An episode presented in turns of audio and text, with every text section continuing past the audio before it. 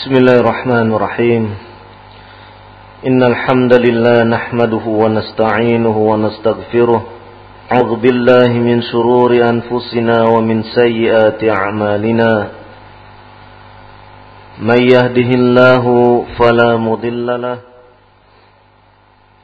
ومن يضلل فلا هادي له.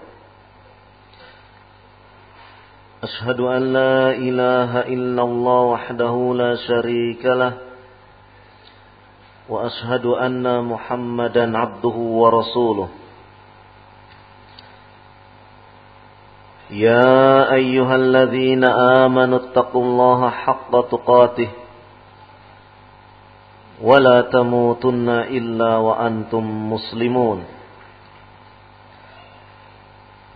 يا أيها الناس اتقوا ربكم الذي خلقكم من نفس واحدة وخلق منها زوجها وبث منهما رجالا كثيرا ونساء واتقوا الله الذي تساءلون به والأرحام إن الله كان عليكم رقيبا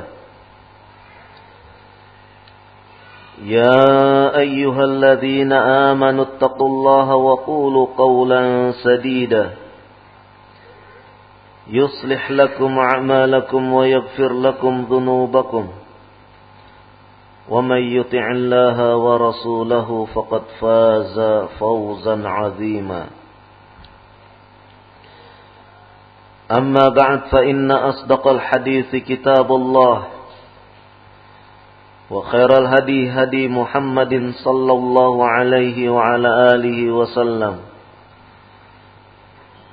وشار الأمور محدثاتها فإن كل محدثة بدعة وكل بدعة ضلالة وكل ضلالة في النار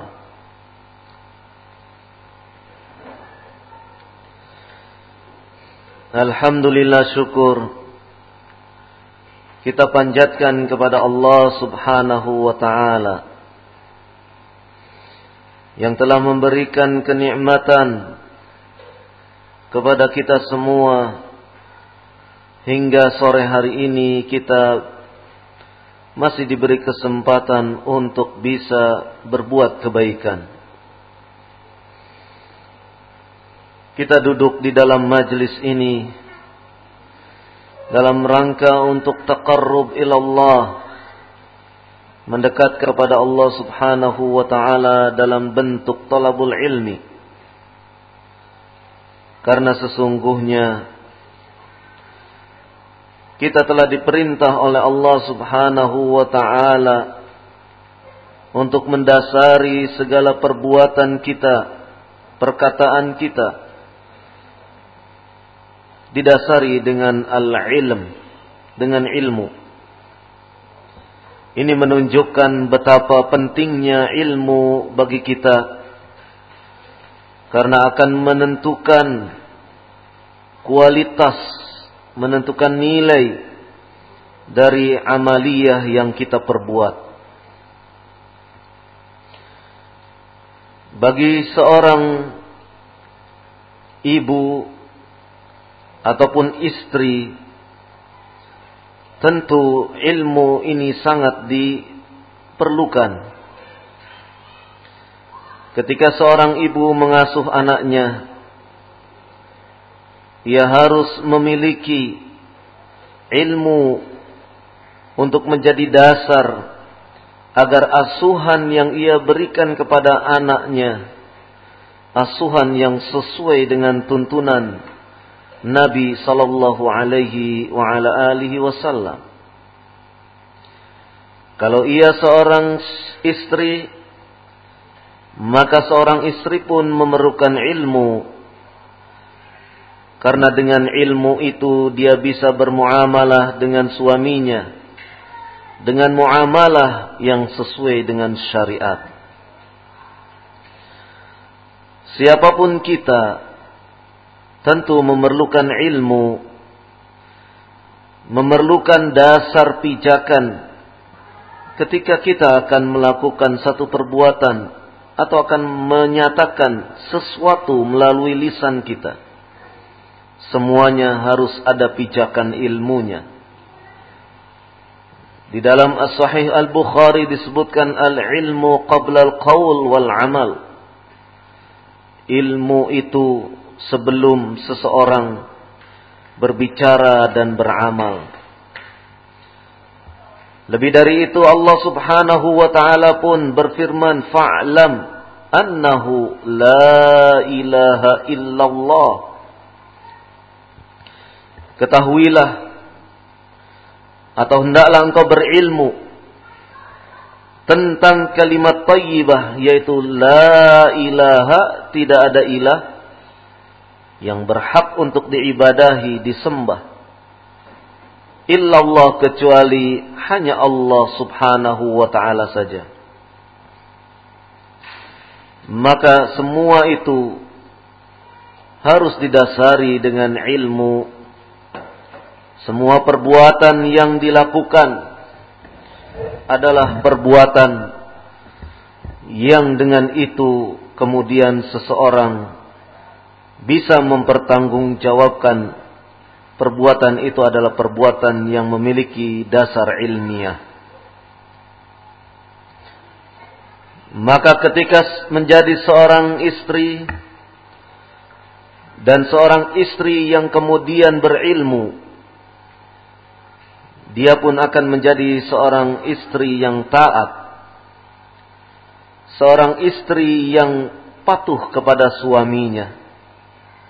Kepatuhan yang ia perbuat adalah atas dasar ilmu yang ada pada dirinya. Maka berbahagialah seorang istri atau seorang ibu yang dia bisa mengelola keadaan rumahnya menjadi rumah yang bisa membahagiakan suami ataupun membahagiakan anak-anaknya yang semua itu dikelola atas dasar ilmu yang telah diajarkan kepadanya. Maka penting bagi kita untuk mewujudkan yang demikian ini karena sesungguhnya di tengah kesibukan sebagai pendamping suami atau sebagai pendidik anak-anaknya. Intensitas ataupun frekuensi dari ta'lim itu pun akan sangat mendukung terhadap keadaan diri seorang muslimah. Maka untuk menjadikan diri seorang muslimah semuanya adalah berlandaskan kepada ilmu. Dalam sebuah hadis yang diriwayatkan dari An-Nasai dan Ibnu Majah hadis dari Abdullah ibn Amr ibn al-As. Anna Rasulullah sallallahu alaihi wa ala alihi wasallam qala Inna dunya kullaha mata'un wa khairum mata'id dunya al-mar'atu salihah. Sesungguhnya dunia itu seluruhnya adalah perhiasan. Dan sebaik-baik perhiasan dunia adalah wanita yang soleha. Seorang wanita tidaklah akan mungkin bisa menjadi seorang yang as-salihah tanpa adanya bekal ilmu, tanpa adanya pengetahuan yang mendasari dan yang membentuk kepribadiannya sehingga menjadi wanita yang as-salihah. Maka penting bagi kita untuk senantiasa membekali diri.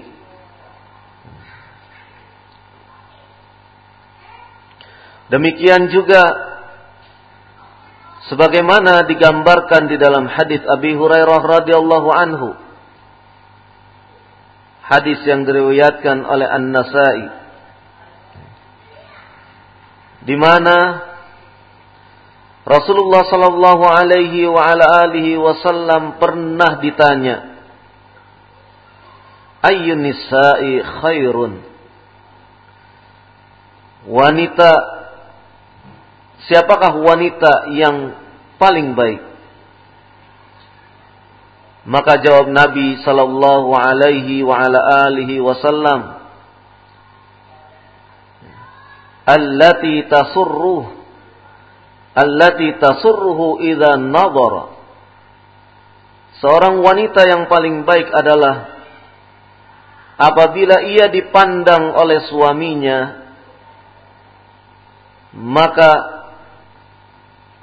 wanita itu akan menyenangkan diri suaminya. Wa tuti'uhu idza amara. Dan wanita itu akan taat kepada suaminya apabila sang suami kemudian memerintahkannya. Wala yukhalifuhu fin nafsiha wa maliha bima yakrah dan wanita itu tidak pernah berbuat sesuatu yang menyelisihi pada dirinya dan pada hartanya dari apa yang suaminya tidak menyukainya. Artinya bahwasanya wanita itu senantiasa menjaga dirinya, menjaga kehormatannya, menjaga harta suaminya, di mana suaminya tidak menyukai maka ia kemudian melepaskan yang demikian itu. Ia berusaha untuk suaminya senang kepada dirinya. Dan semua itu tanpa dilandasi dengan ilmu, maka tidak akan terjadi dan tidak akan bisa dilakukan dengan sebaik-baiknya. Karenanya, penting bagi seorang wanita untuk senantiasa berhias berhias ketika berhias dengan berbagai ilmu, berbagai akhlak sehingga kemudian menjadi seorang istri yang apabila dipandang oleh suaminya menyenangkan Suaminya merasa senang bukan lantaran hanya karena penampilan secara fisik. Suaminya senang melihat pada dirinya bukan lantaran karena keelokan wajah yang ada yang dimiliki olehnya. Tetapi lebih dari itu sang suami menyukai dirinya karena perangainya, karena perilaku santunnya, karena kemuliaan akhlaknya, karena ia pandai untuk merawat diri dengan akhlakul karimah, dengan akidah yang baik, dengan manhaj yang baik. Sehingga pola pikirnya, sehingga kepribadiannya benar-benar mencerminkan seorang wanita yang soleha. Inilah yang perlu diperhatikan ketika ia ingin menata menjadi wanita yang wanita itu dalam kategori wanita yang as-salihah.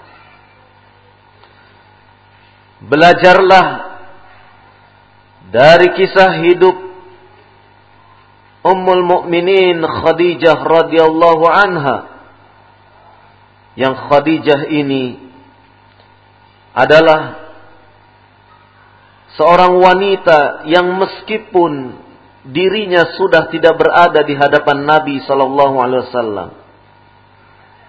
Karena beliau sudah wafat. Tapi Nabi sallallahu alaihi wasallam senantiasa menyebut-nyebut namanya. Hingga Aisyah radhiyallahu anha menyebutkan ma ahadin minan nisa'i an-nabi sallallahu alaihi wasallam ma ghirtu ala Khadijah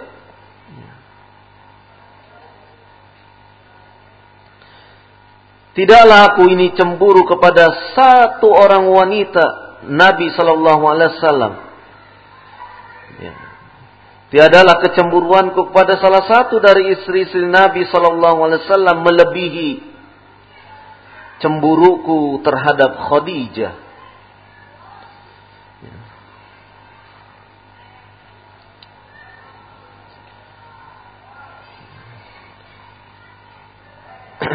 wa ma ra'aituha walakinna kanna Nabi sallallahu alaihi wasallam yukthiru dzikruha. Padahal aku ini tidak pernah melihatnya.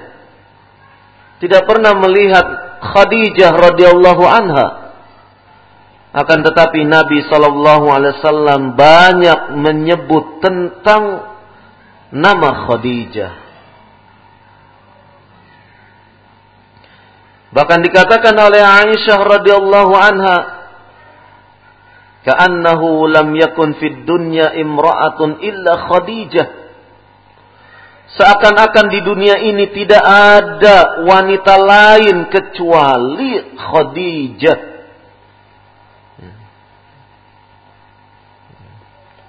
Fayaqulu laha innaha kanat wa kanat Nabi sering sekali memuji Khadijah karena ia adalah wanita yang keadaannya demikian dan demikian. Hadis riwayat Bukhari. Inilah bentuk wanita as-salihah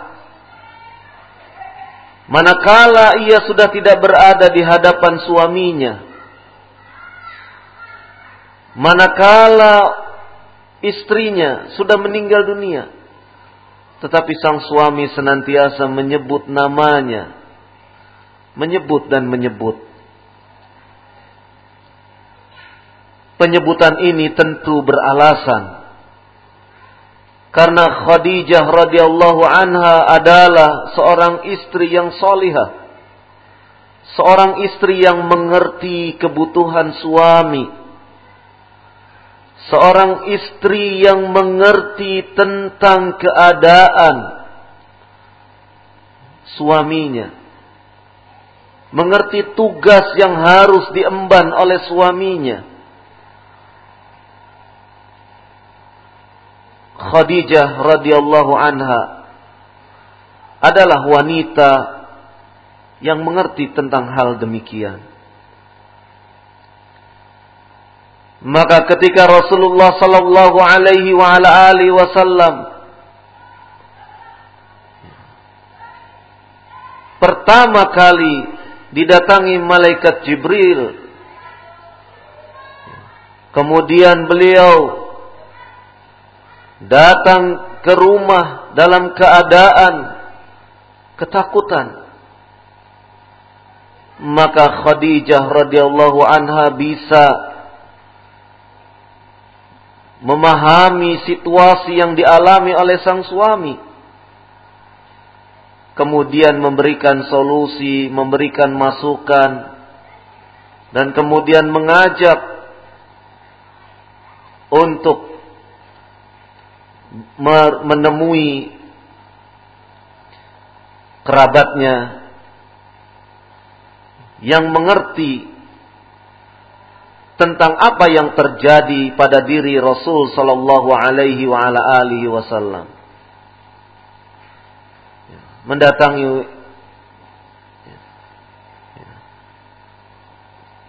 dari salah satu kerabatnya untuk kemudian mengkonsultasikannya dan inilah peran Khadijah. Ia benar-benar menjadi seorang istri yang tahu kebutuhan suaminya.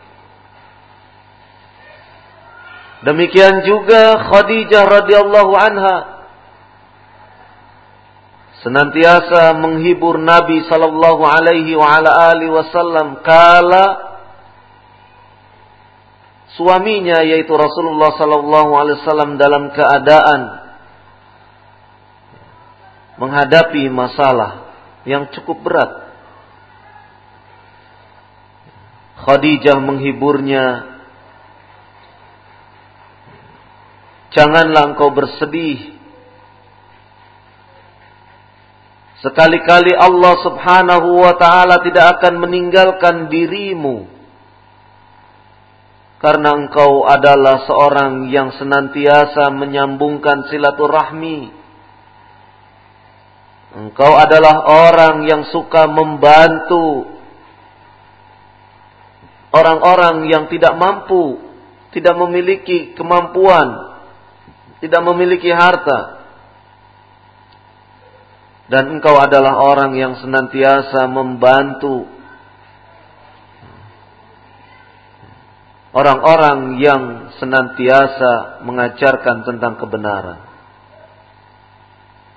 Maka peran Khadijah memberikan support, dukungan, bahkan memotivasi kepada Nabi sallallahu alaihi wasallam untuk senantiasa bergiat di dalam dakwah Bahkan tidak hanya dari itu, harta kekayaan yang ia miliki, ia curahkan untuk mendukung dakwah Rasulullah sallallahu alaihi wasallam. Maka apa yang dilukiskan oleh Aisyah radhiyallahu anha ka'annahu lam yakun fid dunya imra'atun illa Khadijah Seakan-akan di dunia ini tidak ada wanita lain kecuali hanya Khadijah. Demikian karena kuatnya asar, kuatnya pengaruh amal soleh yang sudah dilakukan oleh Khadijah radhiyallahu anha yang kala itu sebagai istri Rasulullah sallallahu alaihi wa ala alihi wasallam. Maka ketika kita ingin menjadi wanita yang terbaik, menjadi wanita yang penuh hiasan kebaikan, bercerminlah kepada apa yang sudah dilakukan oleh Khadijah radhiyallahu anha. Belajarlah perjalanan hidupnya dan apa yang ia perbuat itu adalah contoh teladan untuk para ummahat, untuk para istri di dalam mendampingi tugas-tugas sang suami tercinta. Oleh karena itu, Penting bagi ummahat untuk mempelajari kisah-kisah para sahabiat. Membaca kisah-kisah tersebut akan memberikan inspirasi. Bagaimana semestinya menjadi wanita as-salihah. Bagaimana menjadi wanita-wanita atau khadijah-khadijah masa sekarang ini yang kelak akan senantiasa dikenang oleh para suami. Dikenang oleh suaminya meskipun dirinya sudah tidak berada di hadapan sang suami. Akhlak yang mulia akan senantiasa manis untuk dikenang. Tetapi sebaliknya manakala akhlak yang jelek yang ditampilkan ditunjukkan ke hadapan suami maka jangan sampai kemudian hal ini akan merugikan dirinya. Ia akan tidak termasuk menjadi wanita yang salehah ia menjadi istri yang durhaka wal dan ini tentu akan merugikan kehidupannya di akhirat kelak Kita berlindung kepada Allah Subhanahu wa taala dari jeleknya akhlak. Dari perilaku yang tidak baik, tutur kata yang tidak tidak santun, tidak baik. Dan kita memohon kepada Allah Subhanahu wa taala untuk senantiasa menghiasi keadaan diri kita dengan akhlak yang mulia. Mudah-mudahan nasihat singkat ini bisa bermanfaat bagi kita semua. Terutama para ummahat di dalam mengatur dirinya, di dalam mengelola rumahnya, dan di dalam berperilaku, bertindak di hadapan suaminya. Semoga Allah Subhanahu wa taala menolong kita untuk menjadi orang-orang yang baik yang akhir dari muara kehidupan kita kita ingin mendapatkan jannah yang telah Allah sediakan, Allah siapkan untuk orang-orang yang bertakwa. Sedikit nasihat ini mudah-mudahan bermanfaat. Subhanakallahumma wa bihamdik asyhadu an la ilaha illa anta astaghfiruka wa atubu ilaik. Wa sallallahu ala nabiyyina Muhammad. Walhamdulillahi rabbil alamin. Wallahu a'lam bissawab.